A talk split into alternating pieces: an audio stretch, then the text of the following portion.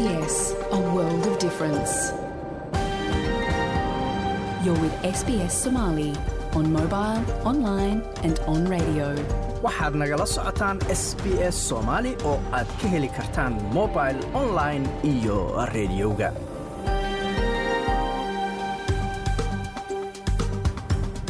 habeen wanaagsan meel kastoo aad naga dhegaysanaysaan waa habeen arbaca bisha maarsana ay tahay sanadka labada halkaad nagala socotaanna waa laanta af soomaaliga ee idaacadda s b s oo si toosa idinkaga imanaysa stuudioga aanu ku leenahay magaalada melbourne.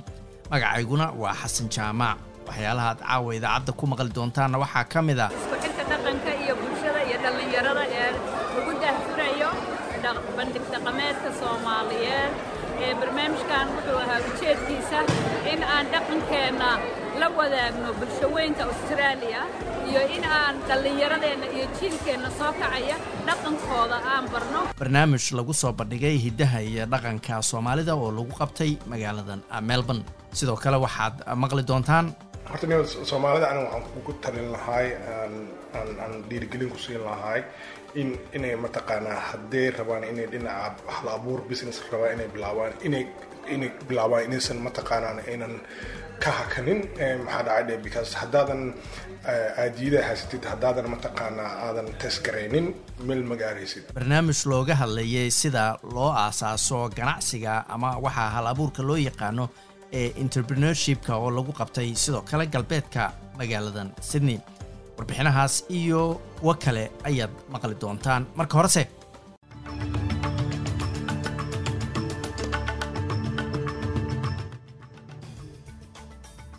wararka caawana waxaa ka mid a ash baarti oo ku dhawaaqday inay ka fadhiisanayso cayaaraha tenniska iyadoo gabadhan oo ay jirto oo keliya shan iyo labaatan sano. Qaybo ka tirsan new south wales oo daadad ay hore u aafeeyeen ayaa loo sheegay inay filan karaan roobab kale oo aad u fara badan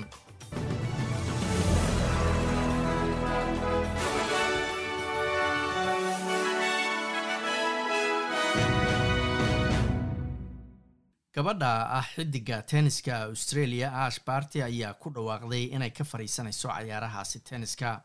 Gabadhan oo ku guuleysatay tartanka australian open ayaa ku dhawaaqday warkan maanta oo arbaca iyadoo ka sii daysay barta instagram-ka la yidhaahdo iyadoo ay wareysatay saaxiibteed sidoo kale cayaarta cayaaraha tenniska casey delacqua. Miss barty ayaa u sheegtay taageerayaasheeda inay uga mahad celinayso taageeradoodii ayna ka tegayso tenniska iyadoo ku faraxsan guulihii ay gaartay dareemaysana inay dantay lahayd ay gaartay. I'm so grateful to everything that tennis has given me. It's given me all waxaan ka mahad celinayaa wax kasta oo tennisku that the siiyey. time is right now wax kasta oo aan ku hamiyeyey iyo wax ka badan ayaan ka helay ayay tiri Um, laakiin and, waan ogahay inay waqti ku habboon tahay inaan ka fariisto oo hamiye kale oo aan qabo markaas aan raadsado ka mira dhaliya ayay tiri.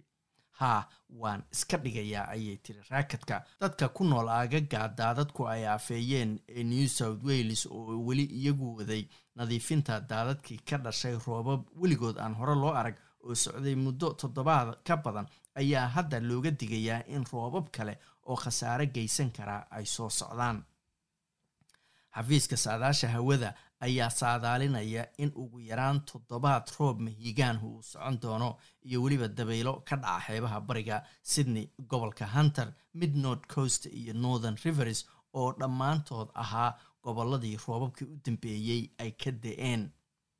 Jackson brown oo ka tirsan xafiiska saadaasha hawada ayaa sheegay in roobab aad u xoogan la filayo inay bilowdaan galabta oo arbacaa iyadoo dabaylo iyo roobab waqtiyo kala duwan ay di'i doonaan muddo toddobaada. Waxa uu sheegay in northern rivers laga filayo roobabkaasi aadka u ba'an.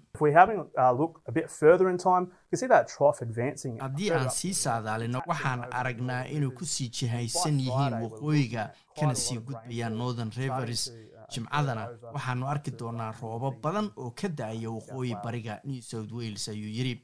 Xafiiska ayaa sheegay in cimilada loo yaqaano laninia oo keentay roobabkan mahigaanka ah iyo daadadka aysan weli fara ka qodnayn iyadoo la filayo in cimiladan waalida ah ay sii socon doonto bilo ah. Dowladda new south wales ayaa ka joojinaysa shaqadii baarlamaanka garad wad maalmo kadib markii xildhibaankan oo ah mid madax bannaan lagu soo oogay dacwooyin ah gaboodfalyo haween loo geystay.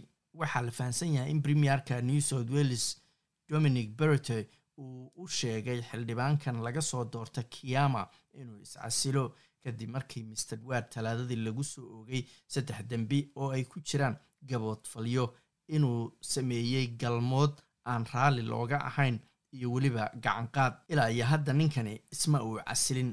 Kusimaha premierka new south wales pool tool ayaa laga dhadhansaday inuu bilaabayo mooshin baarlamaanka looga saarayo mister wad greg foster oo ahaa xidiga cayaaraha kubadda cagta oo australia u cayaari jiray ayaa weerar afka ku qaaday sida australia ay ula dhaqanto magangelyadoonka iyo qaxootiga. Maruu ka hadlayay national press clubka cambera khudbadan oo ka turjumaysa howlaha bini-aadanimo ee uu sanadihii u dambeeyey wada ninkanu ayuu ku dhaliilay in australia ay diiday magangelyadoonka iyo qaxootiga ku yimid doonyaha inay degaan dalka isagoo sheegay inuusan fahmayn waxa ay dowladdu ku samaynayso dadkan aan waxba galabsan. Wuxuu sheegay in xarigga qaxootiga iyo magangelyadoonku ay wax caadiya ka noqdeen dalkan australia siyaasad ahaan iyo dhaqan ahaanba. Xulafada nato ayaa qaboobaha artiga la yiraahdo oo ka bilowday dhoolatus military iyadoo ay socoto duulaanka ruushku ku qaaday ukraine. Tan ayaa noqonaysa dhoolatuskii ugu weynaa wixii ka dambeeyey dagaalkii labaad ee adduunka. Ciidanka badda maraykanka ayaa ku biiraya soddon kun oo ciidamo kale ah oo ka kala socda dhowr iyo labaatan dal. Dhoolatuskan ayaa ka dhacaya badda iyo dhulka ku dhow waddanka norway. Dhoolatuskan oo loo bixiyey cold response ayaa laga matalayaa in xulafada nato ay ka wada shaqaynayaan siday uga adkaan lahaayeen dal soo weeraray mid ka mid a xulafada. Laakiin generaal david berger ayaa m b c newska maraykanka u sheegay in dhoolatuskan bila ka hor la sii qorsheeyey taasoo ka horreysay markii ruushku uu ku duulay ukraine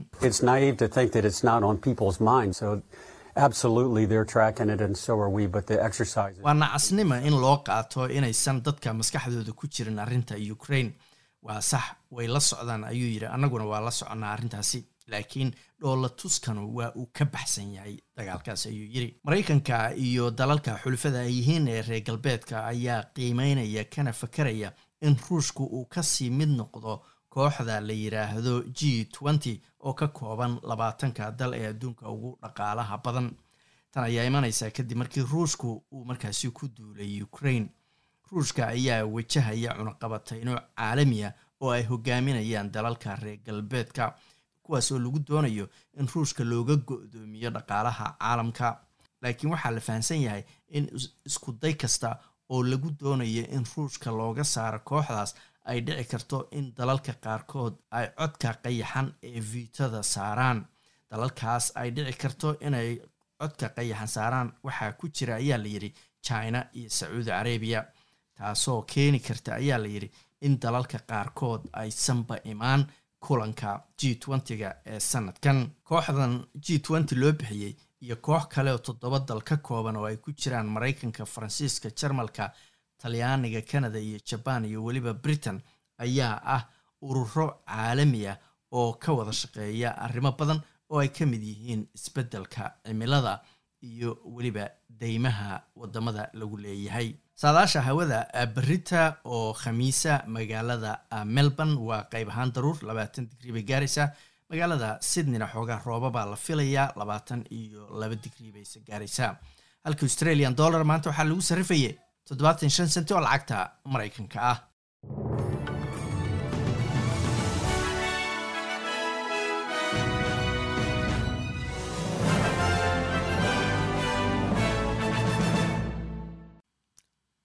halkaad weli nagala socotaan waa laanta af soomaaliga ee idaacadda s b s. Weli waxaa noo soo socdaa warbixin ay warbixino kala duwan oo uu ku jiro.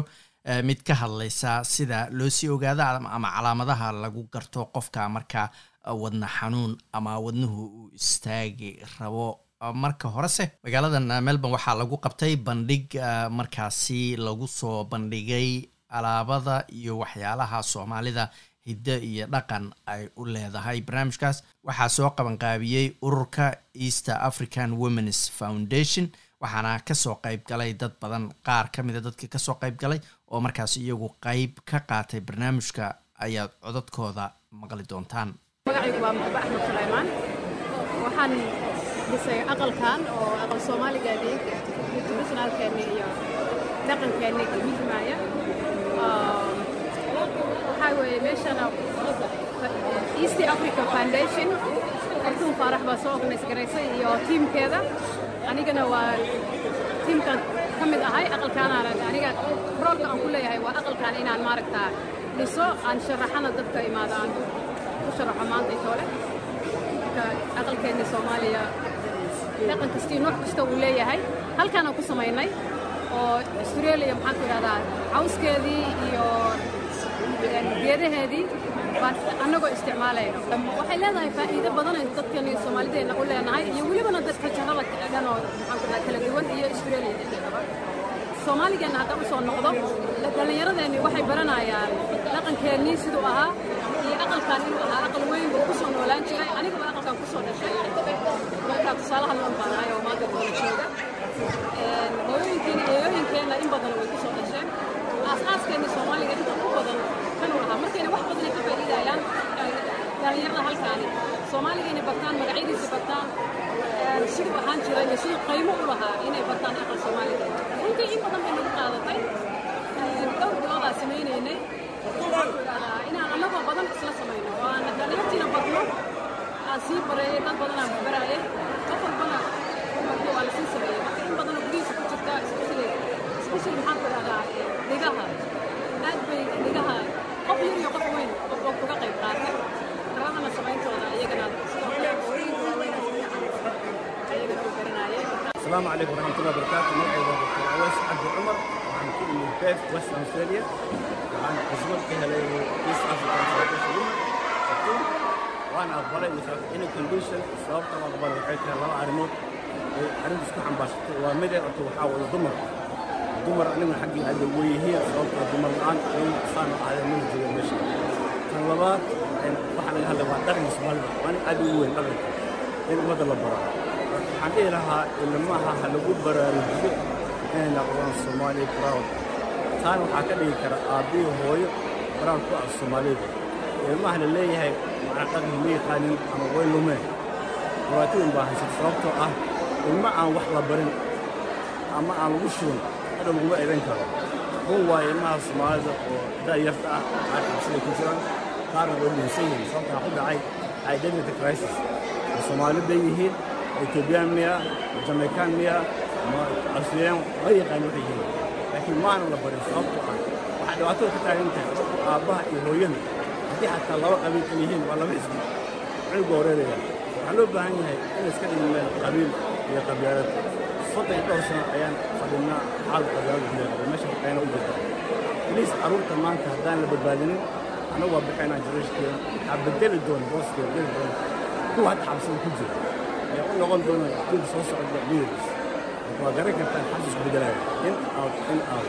Waxaa loo baahan yahay naga dardaar reer meel goban arrimihin waa la socda badan baan ogahay siin ilaa iyo afartan iyo saddex wiil baa soomaaliya ku jirta waa ogahay waxaad u qaybsan tihiin dhowr community jifo ka samaystay oo gooni ah arrimahaas ummad isuma keeni karo soomaali isuma keeni karo ninka raba inuu jifo taageero kursi haddoon xildhibaan ha baxo laakiin inta aan soo waxaan baahna ilmo oo black soomaali oo soomaalnimo ku faana ilmaha calaji aysi dhaqankooda iyo tajirka soomaalida waxaa daliil kuga ah. Markaas shaqsinka ka aadi. Cunug soomaali kaasoo ka carara xaggu ada waayo kaaga carara weydii. Hoogyaha waa ceebeenaysa so impossible le cunug soomaali inuu ka istaago. Ka leexana marka ilmihii ka dhigma ground oo kuu socdo. Aniga dacda inaan jeedaa qof soomaali arko. Shaqka ku orda islaama. Sababtoo ah waxaa la soo baray soomaalinimo. Laakiin ilmahan ku dhashay muku imaanaya marka ilmahan ma foga ilmahan waa la sheekaystay xabsi waa tegey dhaktar baan u ahay wallaahi billahi ilmaha laayihiin leadership sax. Oo hagan ilmaha haddaan dhaba loo jeexin ayaa dhaba jeexanaya ama waa loo jeexaya marka waxba yaan isku oynin meelahan. Kolba ilaah naga dhigi waa qaban karnaa boliis iska dhaafo. Waxaan meelaha la kala hal mid hala noqdo. Waxaan reer melbourne. Rabaa inaan u s b s xasan jaamaciinkiisa waxaan rabaa inaan xujeeyo waxaan ku xujeynayaa ilaahay dartiis iyadaan u tanaasulo ilmihiina idaan mid noqon maalinta qiyaamaad haystaa ilahay ku dhexin doona barnaamijka waad ku mahadsan tahay ka soo qaybgalka barnaamijkan isku xidhka dhaqanka iyo bulshada iyo dhallinyarada ee lagu daahfurayo bandhig dhaqameedka soomaaliyeed ee barnaamijkan wuxuu ahaa ujeedkiisa in aan dhaqankeenna la wadaagno bulshaweynta austraaliya iyo in aan dhallinyaradeenna iyo jiilkeenna soo kacaya dhaqankooda aan barno iyo dhaqankooda si ay uga faa'iidaystaan. Intaan dhaqankeenna innaga joogno inay ilmaheennu dhaqankeenna bartaan iyo luuqadooda si ay halkaa ooga sii wadaan ay jiilba jiilka kale ugu sii dhiibaan. Waxa weeyaan barnaamijkan waxaanu rajaynaynaa inuu ahaado barnaamij mar walba soconaya. Waxaana aan kula daraarmayaa dhammaan howlwadeenayaasha communitiga inay hawshaan ka qayb qaataan oo barnaamijkan mar kasta u noqdo barnaamij joogto ah. Aan ilmaheenna waddankan ku koray ama ku dhashay aan ooga tagno inay dhaqankooda iyaguna halkaa ka sii qaadaan. Inay noqoto barnaamijkan hidareeb la yidhaahdo hidareeb ayaan ugu magac darnay insha allah waana wadi doonaa barnaamijkan walaal. Xasan waad mahadsan tahay.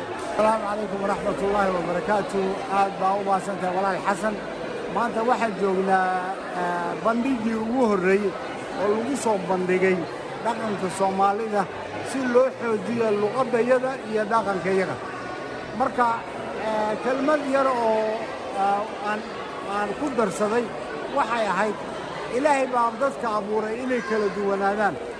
Laakiin waxaa loo baahan yahay qofka bini aadamka ah inuu noqdo qof dadka kala anfaca suutaa uu sameeyana waa inuu dhaqankiisa yaqaan waa inuu barto waxyaabaha uu ku maaragtay contribution ugu samayn karo eh, other cultures. Marka waxaan u baahannahay inaan dhaqankeenna baranno iyo diinteenna si aan dadka kale ugu sharaxno si aan dadka kale ula wadaagno waxyaabaha aan ku fiicannahay waxaana ognahay inay ka bilaabato deriska. Deriskana waa ogtahay waa diinta iyadu meesha ay ka taagan tahay inuu rasuulku yidhi sala allahu calayh wasalam waxaan maaragtay ka baqay in la yidhaahdo deriskaa ku dhexal haya ama maaragtay derisku inuu deris dhexlo si ay u muhiim u tahay sida derisku qasadna maaha inuu muslim yahay. Deris waa deris ha muslim ahaada yuusan ahaanin. Meeshaas ayaa dhaqanka laga faafi karaa wanaaggana dadka kale laga tusi karaa. Marka aad bay muhiim u tahay inaan arrintaas ku baraarugno. Waxaana aad aan ugu boorinayaa communitigeenna inaannu ku biirno waxyaabaha sida maaragtay climate changing waxyaabaha anti discriminationka local inaannu qayb badan ka qaadano oon dadka kala tusno wanaagga iyaga iyo dhaqanka iyo diinta iyada iyo luqadda iyada intaba halkaad weli nagala socotaan waa laanta af soomaaliga ee idaacadda s b s. Eh, weli waxaa noo soo socdaa warbixin ku aadan dadka wadnuhu joogsado iyo sida lagu garan karo iyo weliba sida looga hortegi karo. Marka horese dadka soomaalida badanaa waxaa lagu tiriyaa dad ku fiican ah, hal abuurka ganacsiga ama waxaa loo yaqaano entrepreneurshipka. Iyadoo soomaalidu ay meelo badan oo africa ka muuqato marka la fiiriyo ganacsiga iyo samaynta ganacsiyo cusub. Haddaba magaaladan ah, melbourne haashim cabdulaahi shamcuun iyo walaalkiis nuuraddiin cabdulaahi shamcuun waa laba nin oo dhalinyaro ah oo degan magaalada ah, melbourne waxayna aasaaseen shirkad xawilaada oo dhanka online-ka ama internetka laga isticmaalo. Haddaba khibradoodii samaynta ama hal abuurka ganacsigooda cusub ayay la wadaageen xubno ka tirsan jaaliyadda degan galbeedka magaaladan melbourne. Magacayga waxaa la yidhahdaa nuurudiin cabdulaahi shamacuun eh, waxaan ahay ninka abaabulay shirkadda eh, masterimd loo yaqaano. Maanta waxaan joognaa xaafadan ah, tainet eh, community center windifal community center.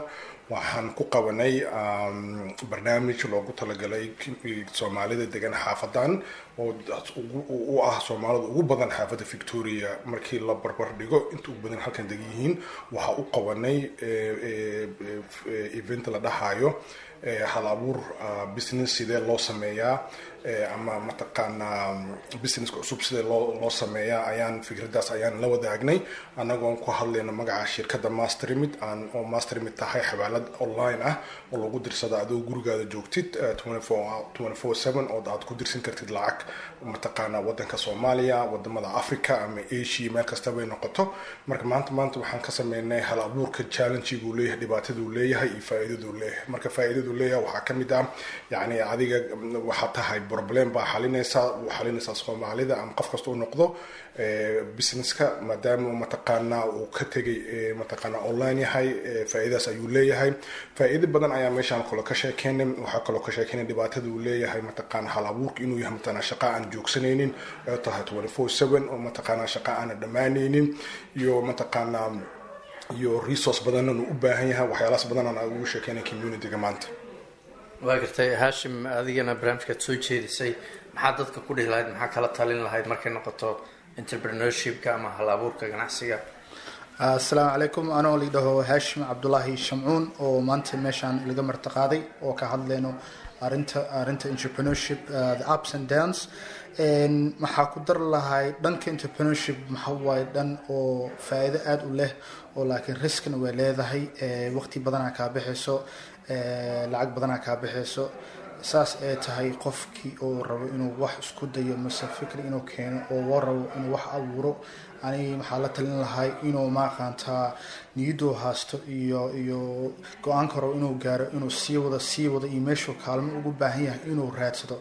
Community maxaa degannahay mise waddan maxaa degannahay wixii kaalmo ugu baahannahay meel dheer ma naga jirto. Telefoon mase community centerka mase jaamacadaha mase meelaha oo network lagu sameeyo aa la isku imaadaa maadaama oo qofkii oo barnaamij leeyahay oo rabo inuu wax sameeyo problem haddoo kulmo inuu helayo solutionkeed marka soomaaliyeed oo mase qofkii waddankan jooga oo rabo wax inuu tacbado oo mase wax inuu rabo sameeyo dhanka entrepreneurship ani waxaa ku dhaha lahay guul waa gartay idinka markaad laba walaalo ahaatiin shirkadaana samayseen.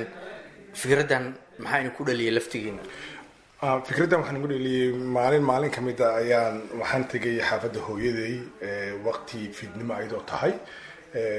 Saacadahan oo kale ah after maqrib marka maamo waa la soo wacay waxaa la soo wacay waddankii soomaaliya marka hooyo waxay tiri lacag baan emergency rabaa inaad diro hooyo arrin deg deg baa soo gashay ee xaggee tagnaa waxaan ku dhaha hooyo meel furn ma lahan xabaalad furn ma leh saacadan meel la tegi kara ma jirto. Waa inaan sugnaa mataqaanaa ilaa mandayda laga furaayo xawaaladaha marka maadaama taas arrintaas dhalisay ayaan waxaan ku fikiray maadaama aniga aan soo bartay dhinaca technolojiyada in mataqaanaa arrintan la xalin karo waxaa kaloo dareemay haddii imaamada qabto dhibaatadan oo kale in qofka kale oo la mid ah hooday kale inay qabto. Marka fikraddaas ayaan igu dhalisay in problemkaas aan xalino aan ka dhigno mataqaanaa xawaaladaha xawaalad online ah. Qofka isagoo gurigiisa joogo uusan meel kale soo aadin oo soo dhaqaaqin hadday noqoto waqti sagaal saac subaxnimo toban saac subaxnimo galabtii gurigiisa isagoo joogo soo dirsan karo. Marka arrintaas baa nagu dhalisay inaan xawaaladan abuurno. Waa gartay haashim waxaa ka sheekaysay dhibaatooyinka inay ka mid tahay markaad shirkad cusub abuurtid in laga yaabo inaysan markiiba lacag kaa soo gelin ay waqti qaadato in dakhli kugu filan oo shaqadaadii aada u joojiso ay kaa soo gasho. Marka caqabadahaasoo kale dadku siday uga gudbi karaan imisay qaadataa in qofku uu helo dakhli ku filan oo businesskaas keliya uu kugu jiro xasanow any business aa furinaysid waqtiga u baahan tahay businesskasna isku mid maahan qaar business. Muxuu qaadan karaa dhowr sano qaar muxuu qaadan karaa dhowr bilooyin. Marka aniga ra'yay maxa waaye qofkii rabo inuu isku talagalo entrepreneurship marka business inuu furo inuu isku diyaariyo inuu isku talagalo inuu fiiriyo dhanka oo dhaqaalihiisa oo jeebkiisa oo intuu ku noolaan karo inuu isku diyaariyo sidaasna sidoo isku diyaarin kale maxa waaye inuu fiiriyo similar businesses iyo opportunities iyo iyaga waqtiga ku qaadatay inuu xoogaa feedback ka helo. Hadduu arrintaas uu waayo oo qofkaas hel waaye ani ra'yigay kale maxa waaye qofka financially siduu isku diyaarin kala isku diyaariyo supportna meel hadduu ka hel kala ka helo. Lacagana hadduu meel dhegan kala dhigto inuu bilaabin. Saas maxay kaalmeynaysaa hadhow financial stress qofka inuu ku dhicin isagoo sii socdo oo sanad mase laba sano oo lacag jeebkiisa ku shaqeynaya waxna ma soo galooso businesska. Taas dhibaato weyn ay keeni kartaa kaasna waxay keeni kartaa stress iyo qofkii inuu businesska iska xiro oo bankruptcy oo noqdo. Laakiin maadaama anaki mastermind ka bilaabeynay waxaas waa waa ka fikirnay waana ka hadalnay waana isku diyaarinay. Marka alxamdulilah haddana arrintaasna waa ka boodnay.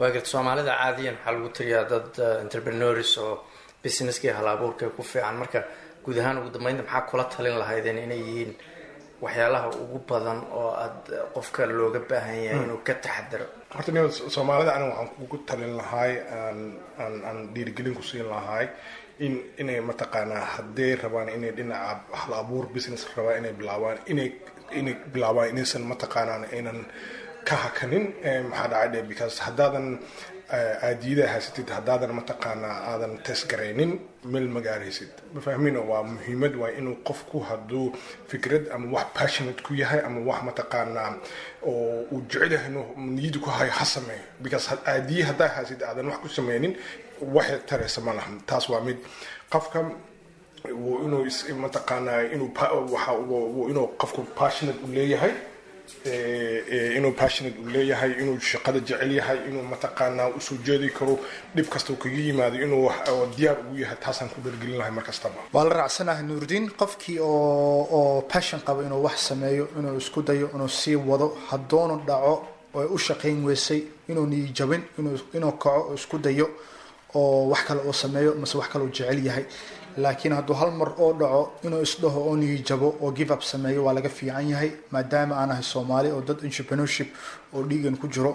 Inaa maaqaantaa inaa kacno aa gurguurino aadana sii istaagno insha allah kaasi wuxuu ahaa haashim cabdulaahi shamcuun. Ka horna waxaad maqlayseen walaalkiis nuuraddiin cabdulaahi shamcuun oo labaduba ah laba nin oo dhallinyara oo aasaasay ganacsi cusub oo la yidhaahdo master rimid waxa ayna dadka degan galbeedka magaaladan melbourne kula qeybsanayeen khibradooda aasaaska ganacsi cusub. Ama waxaa loo yaqaano entrepreneurship. Halkaad weli nagala socotaan waa laanta af soomaaliga ee idaacadda s b s. Waxaa weli noo soo socdaa warbixintii noo soo diray wariyahayaga magaalada muqdisho. Marka horese waxaa magaalada melbourne lagu soo bandhigay urur cusub oo loo bixiyey somali voice victoria. Ururkan ay leeyihiin jaaliyadda soomaalida ee melbourne gaar ahaan xubnaha degan xaafadaha golo deegaanka banyuul ee waqooyiga melbourne. Ujeeddada loo aasaasay ururkan ayaanu ka wareysanay madaxda ururka iyo qaar ka mida jaaliyadda oo ka soo qayb galay soo bandhigiddan ururka. Ururka ayaa ka mid noqonaya ururo kale oo ka jira magaalada. Waxaa barnaamijkan ururka cusub lagu soo bandhigay daadihinayay xasan bashiir oo sidoo kale ka mid a madaxda ururka waxaana uu faahfaahiyey ujeeddada ururkan iyo waxa uu uga duwanaan doono ururada kale ee magaalada ka jira. Marka ururkan haddaa wax yar kaga faahfaahiyo waxaa la dhaha somali voice of victoria s v v la soo gaabiya waaye. Adiga muddo hadda hal sano iyo laba biloodu jiraa. Hawshiis waxay soo bilaabatay twenty twentygii soo bilaabatay alxamdulillah hadda meel fiican noo maraya. Muhiimadda loo asaasana waxay ahayd in soomaalida baahiyaal badan ay qabaan. Bal in aan isku daynay inaan maaragta wixii aan ka qaban karno aan ka qabanno. Si dadkii baahidooda wixii aan ka dabooli karno aan ka daboolno. Marka number one wax ugu horreya loo abuuray waxaa waaye taas waaye in dadka soomaalida gaar ahaan degan banyuul baahidooda wixii aan ka qaban karno oo u baahan in maaragtay dowladda hoose ee banyuul oo dadku u baahan yihiin inaan ka caawino. Marka muhiimadda waxaa waaye waxaa rabnaa inaan u dhexayno dadkanaga iyo dowladda hoose banyuul dhexdooda in macnaha aan wixii dadkanaga u baahan yihiin inaan dowladda banyuul u gudbino ayagana maaragta wixii dadka u baahan yihiin inay u qabtaan. Taas ururka waxyaalaha muhiimadda badan loo asaasay taasaa ka mid ah. Intii hadda shir ku socday dadku aragtiyay dhiibanayeen maxaa ka fahantay waxyaalaha ugu waaweyn oo ay rabaan in loo qabto ama waxyaalaha ay ku dhaliilayeen ururadii kaloo jiray. Runtii ururka horta waa miitinkan waa miitinka ugu horreeyay oon qabano kii ugu weynaa. Hal miitin oo horaa qabano oo yar dadka maaragtay aan gaarsiinaynay. Kana wuxuu ahaa kii open meetingka ugu horreeya maaragtay oo furno oo dadka maaragtay bal somali voice victoria la tuso si u shaqayso iyo dadka maaragtay executiveka oo maaragtay hadda gacanta ku hayo. Iyo inuu ururkan yahay urur somali voice urur somali voice oo soomaalida leedahay una baahanta inay kaga qabtaan inta hadda miitinkii uu socday dadka runtii aad iyo aad u soo dhaweeyeen aaday ugu rayaaqeen gaar ahaan magaca ay maaragtay aad iyo aad u soo dhaweeyeen waxayna maaragtay kulli ay maaragtay na tuseen inay diyaar u yihiin inay macnaha ay ururkooda ay la shaqeeyaan. Baahiyadada jirana maaragtay inay maaragtay nin walba maaragtay wixii asaga karankiisa uu ka qabto ay diyaar u yihiin inay gacan ka geystaan.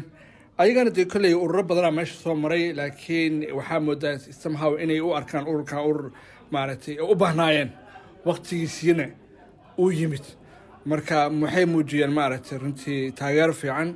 Waxaan rajeynaa insha allah inay meeshaas ay ka sii socoto maaragtay relationshipka ka dhexeeyo s v v iyo communityda.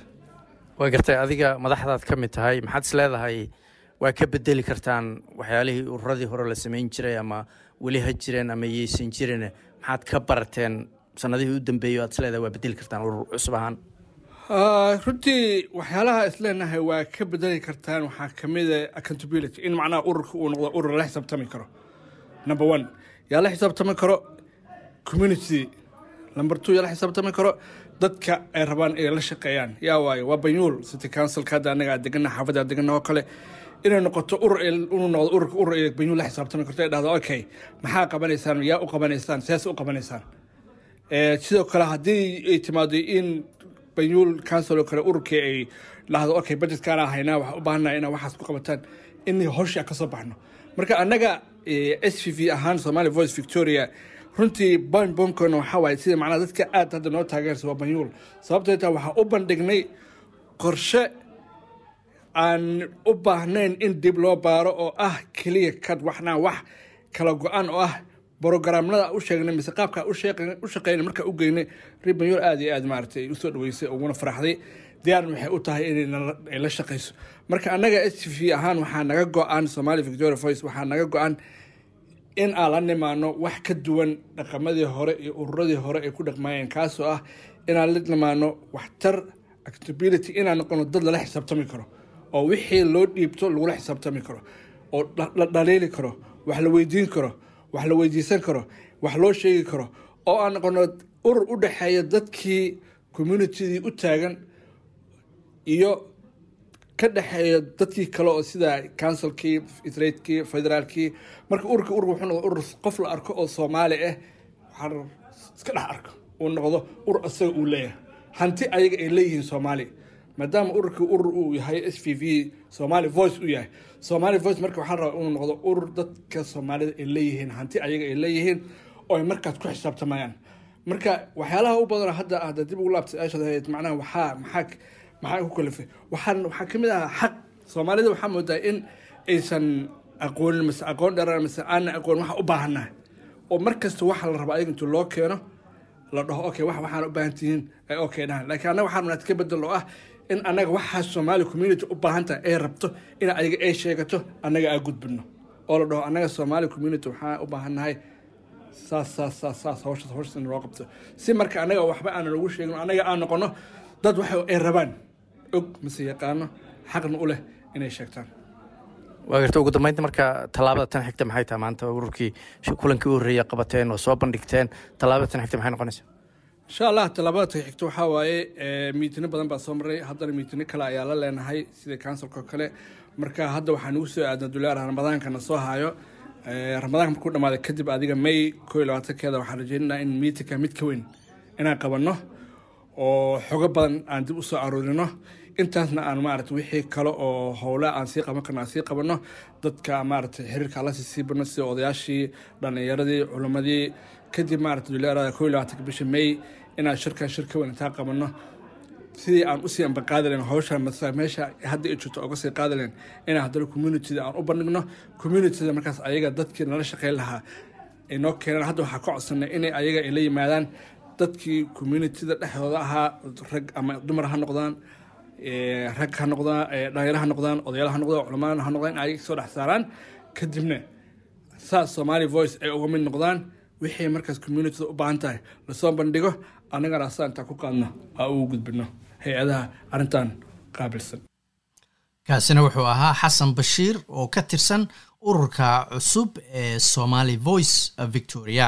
Halkaad weli nagala socotaan waa laanta af soomaaliga ee idaacadda s b s. Waxaanu soo gaarnay bartamihii idaacaddeenii caawa wararkana waxaa ugu waaweynaa gabar ku caana ciyaarta tenniska ee dalkan australia kana mid a xidigaha dhanka sboortiga dalkan ash barty ayaa si lama filaana sheegtay in markaasi aysan mar dambe cayaari doonin cayaaraha tenniska oo ay ka fariisatay. Gobolka new south walesna qaybo badan oo daadad ay hareeyeen asbuucyadii u dambeeyey ayaa weli laga digayaa in roobab kale oo mahiigaanayay ay ku dhufan karaan oo keeni karaan khasaarooyin la mida kuwii hore dholotis military ayay qabanayaan baa la yidhi dalalka nato ka tirsan iyagoo ku qabanaya meesha qaboobaha artiga la yiraahdo oo dhanka waqooyiga ka xigta dalka norway. Waxaa ka qayb qaadanaya ayaa la yidhi soddon kun oo ka kala socda dalal dhowr iyo labaatana iyo weliba ciidamada badda ee dalka maraykanka dalalka ku bahoobay g oo ah labaatanka dal ee adduunka ugu dhaqaalaha badanna waxaa laga fiirsanayaa gaar ahaan kuwa reer galbeedku ay ka fiirsanayaan in ruushku ka sii mid noqdo. Balse waxaa jirta cabsi laga qabo in iskuday lagu dayo in ruushka laga saaro ay dalalka qaarkood codkooda qayaxan u isticmaalaan gaar ahaan china iyo sacuudi carabiya. Taasoo dhalin karta ayaa la yidhi in shirmadaxeedka g twentyga ee sanadkan dalalka qaarkood ayba ka baaqdaan oo aysan ka soo qaybgelin. Weli waxaa noo soo socdaa warbixintii uu soo diray waryahayaga magaalada muqdisho marka horese dad aada u fara badan ayaa australia sanad walba waxa ay ugu dhintaan wadnaha oo hal mar istaaga. Sidoo kale waxaa jira xanuuno kale oo markaasi wadnaha ku dhaca. Haddaba calaamadaha lagu garto iyo sida looga hortegi karo ayaan warbixintan ka diyaarinay. Wadna xanuunku waa kan koowaad ee dadka ugu badani ugu dhintaan dalkan australia. Celcelis ahaan hal qof ayaa australia laba iyo tobankii daqiiqaba ugu dhintaa xanuun la xiriira wadnaha halka celcelis ahaan hal qof uu australia ugu dhinto wadnaha oo istaagay saacad kasta. Haddaba ma garan kartaa calaamadaha lagu garto in wadnuhu ku istaagi rabo iyo waxa aad ka samayn lahayd. Inaad waqti hore garowsato calaamadaha wadna istaagga aadna daawo doonato waxay aad u kordhinaysaa fursadda aad si buuxda uga soo kabsato. Sida laga soo xigtay hay'adda australia wide first aid xanuunada wadnaha ku dhaca waxay ahaayeen kuwa dadka ugu badan ay australia ugu dhimanayeen qarni barkiis ah.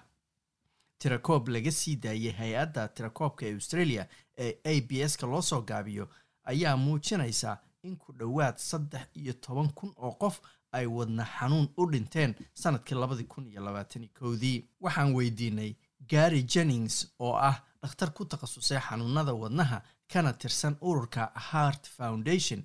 Waxa dhacaya.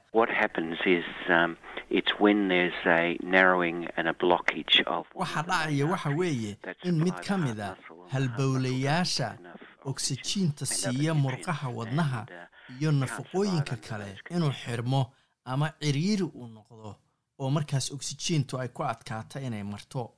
Markaasna ay keento in wadnuhu uusan daruuftaas ku shaqayn karin. Inkastoo calaamadaha lagu garto aysan dadka oo dhan isku mid ahayn oo ay kala duwanaan karaan waxaa jira calaamado inta badan lagu garto wadnaha in qofka uu istaagi doono. Rob perel oo xanuunada wadnaha isaguna ku takhasusay kana tirsan koox dhakhaatiira oo fadhigoodu yahay queensland ayaa sheegay inay tahay in xabadka ama shafku uu qofka xanuuno ayaa sheegay inay tahay in xabadka ama shafka oo ku xanuuno oo ku xanuuna il gaar ah lagu hayo.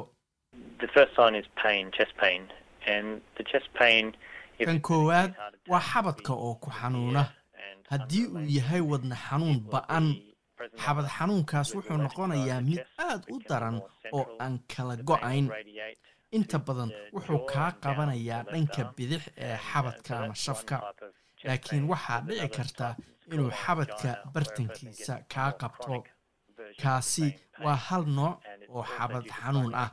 waxaa jira mid kale oo la yidhaahdo anjina oo ah in qofku xanuun joogto ah uu xabadka ka dareemayo. laakiin aan ahayn kan wadnuhu hal mar ku istaagayo waxaana keenaa cudur ku dhaca halbowlayaasha dhiigga qaada. Laakiin kani ma aha wadna xanuunka ba'an ee qofka hal mar uu wadnuhu istaago.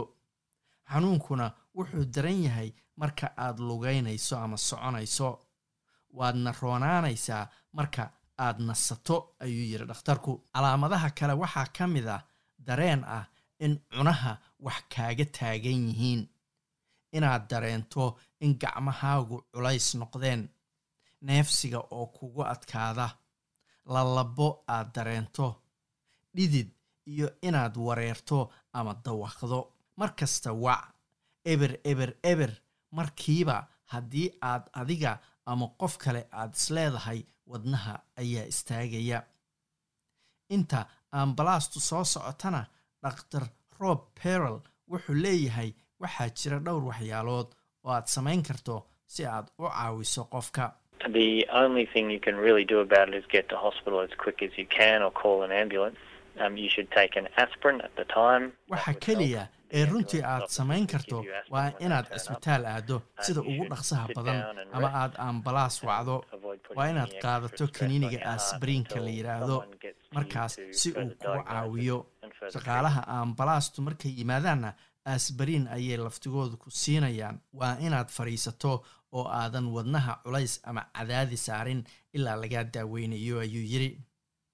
Waxaa dhici karta inaadan hubin in wadnuhu ku istaagayo iyo in kale laakiin haddiiba shaki yar kugu jiro cisbitaalka tag.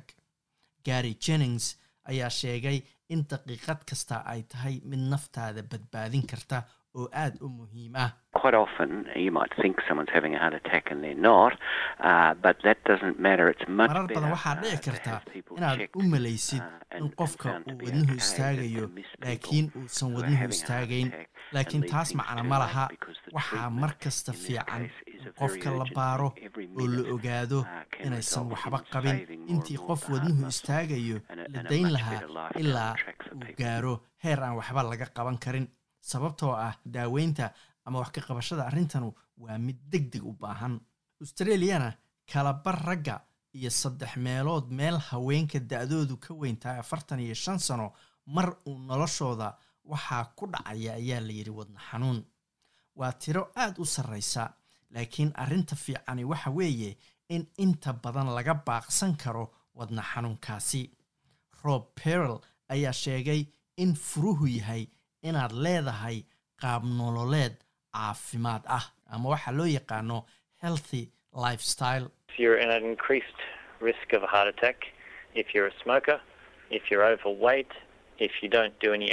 Khatarta in wadna xanuun kugu dhaco way badanaysaa haddii aad sigaar cabto haddii aad cayilan tahay haddii aadan jimicsan haddii kolesterolkaagu sarreeyo kolesterolku waa xayr haddii jirkaaga ay ku badato keeni karta wadna xanuun waxaa kale oo kordhin kara in wadnuhu ku istaago haddii aad dhiikar qabto ama sonkor qabto. marka jawaabta sida la isaga ilaalin karaa wadna joogsiga ama wadna istaagu waa kow. Sigaarka ha cabbin. Cayilka badan iska ilaali oo jirkaagu cabir ahaan caadi ha noqdo jimicso cunto isu dheelitiranna cun oo caafimaad leh iska ilaali cuntada kolesterolka keeni karta oo habadsan kuwaasi sida hilibka iyo waxyaalaha caanaha laga sameeyo kale sida jiiska iyo jalaatada.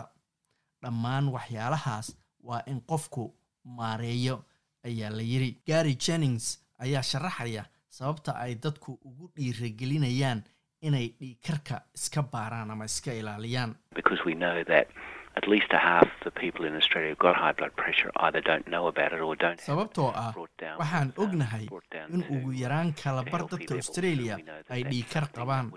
mana oga inay dhiikar qabaan maadaama aysan ogeyna heerkii laga rabay ee ahaa kan caafimaadku ku jiro kuma soo celinayaan. Waana arrinta wax weyn ka bedeli karta cudurrada wadnaha ee bulshada ku dhaca. Dhakhtarkan wadnaha ayaa bixinaya taladii ugu dambeysay ee naftaada aad ku badbaadin lahayd.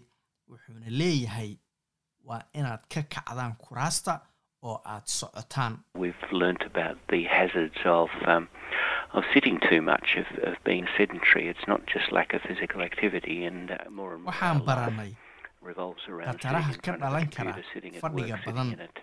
inaad iska fadhida uun. mana aha oo keliya uh, one of in qofku uusan dhaqdhaqaaq samayn. um, waxaa sii badanaya in nolosheennu ay noqotay inaannu conditions. kombyuutar dul fadhino. Baska aan raacno waa fadhinaa gaariga aan shaqada ku aadayna waa fadhinaa waa dhibaatooyin ka dhashay nolosha casriga ah oo ah inaan wakhti badan fadhino taasina ay qayb ka qaadanayso xanuunada wadnaha iyo cudurro kale.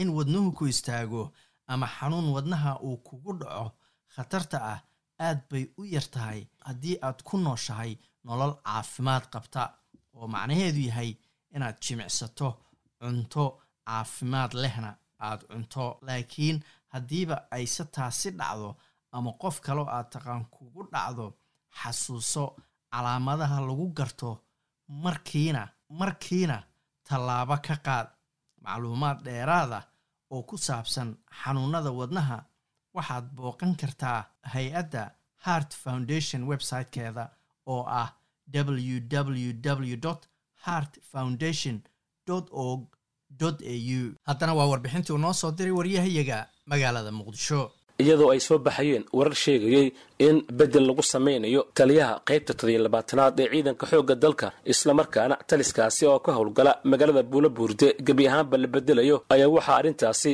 si kulul uga hadlay taliyaha qaybta todiyo labaatanaad ee ciidanka xoogga dalka soomaaliya jenaraal axmed maxamed calisow oo loo yaqaano tiradisho waxaana shir jiraa'id oo uu arrintaasi kaga hadlay uu ku qabtay degmada buulo buurde ee ka tirsan gobolka hiiraan oo uu shalay gaaray taliyaha ayaa halkaasi kula kulmay saraakiisha qaybta toddobiy labaatanaad isagoo iclaamiyey dagaal ka dhana xarakada al-shabaab ka oo uu sheegay inay doonayaan in guud ahaanba deegaanadaasi ay kaga saaraan. Taliyaha ayaa dhanka kale waxa uu ka hadlay wararka maalmihii ugu dambeeyey taagnaa ee ku aadan in isaga xilkaasi laga qaadayo.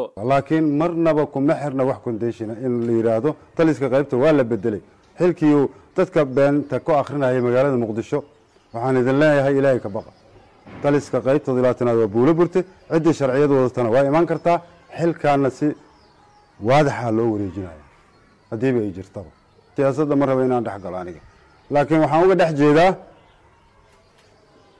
xilalkii ay hiiraan ku doodaysay xil ka mid ah in la rabo in lagu baabi'iyo taliska qaybtooda labaatanaad si loo keeno nin reer hiiraan ah si uu u badbaado ninka taliska booliska jooga hirshabeelle arrintaas waxaan leeyahay cadaalad darro waay. Cid walba oo arrintaas isi saartayna waxaan leeyahay cadaalad darraad isi saartay ilaahay ka baq. Taasaan ku leeyahay. Reer hiiraanna waxaan aaminsanahay ama maxaan ku yidhahdaa hala keeno nin reer hiiraan u dhashay qaybta labaatanaad ama maxaan ku nin kale hala keeno mar walba inay u taagan yihiin aan aaminsanahay wixii ay ku doodayeen oo uu kow ka ahaa taliyaha booliska hirshabeelle aniga saasaan aaminsana. Waxa uu sheegay in warar aan sax ahayn la faafiyey oo ah in taliska qaybta todiy labaatanaad ay burbureen oo ciidankaasi loo kala diray daryeel xumo awgeed. Waxa uu aad u weeraray saraakiisha biliiska ee maamulka hirshabeelle.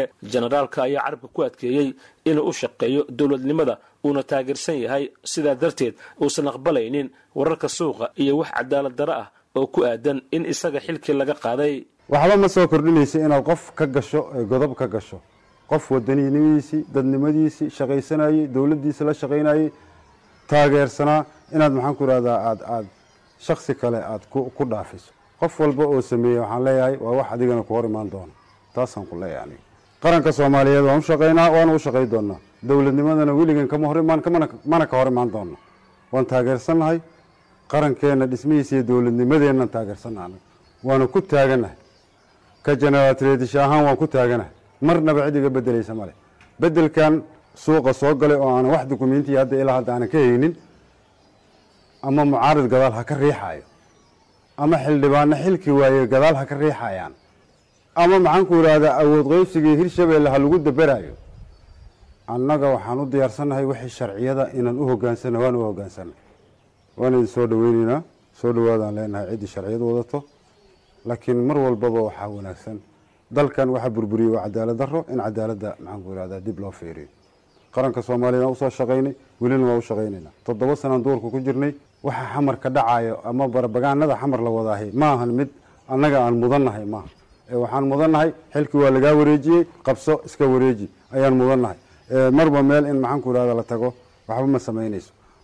Haddii ay jirto warqad dokumenti sharciyaysan hadduu jiro hanaloo soo diro. Maxaa saddex toddobaad ku dhawaadana la haystaa genaraal tredisho ayaa ugu dambayntii sheegay inay jiraan saraakiil wakhti aad u kooban ka tirsan ciidamada islamarkaana si qaldan u isticmaala hantida qaranka oo guryo ka dhista sida uu yidhi. Taasi beddelkeed uu isagu diyaar u yahay in qaranka si cadaaladda uu ugu shaqeeyo uuna aaminsan yahay dowladnimada. Annaga uma baahnayn walaac inaan shaqaysanaan u baahannahay qaranka soomaaliyeed u shaqayno? Haddaan xil haynaya haddaanan xil haynba.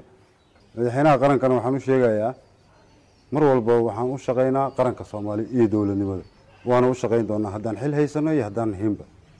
Xilkana waxaan u haynaa qarankeena iyo dowladnimada. Haddaanan hayna waxaan u shaqaynaa qaranka iyo dowladnimada. Ma nihin dadkii ku soo barbaaray guryaha qabiilada iyo guryaha maxaanku irahda hooyooyin. Waxaan ku soo barbaarnay dowladnimo dowladnimadaan aaminsannahay waxaan aaminsanahay dowladnimada. Ee ma aaminsanin mucaaradnimo?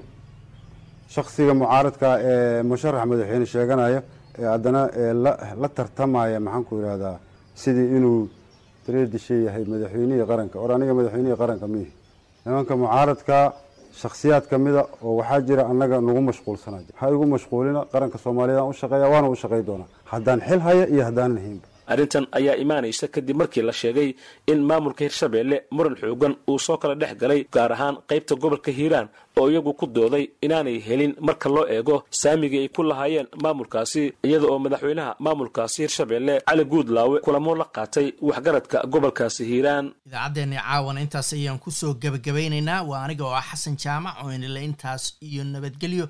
Waa inoo habeenka jimcada haddii uu eebaydno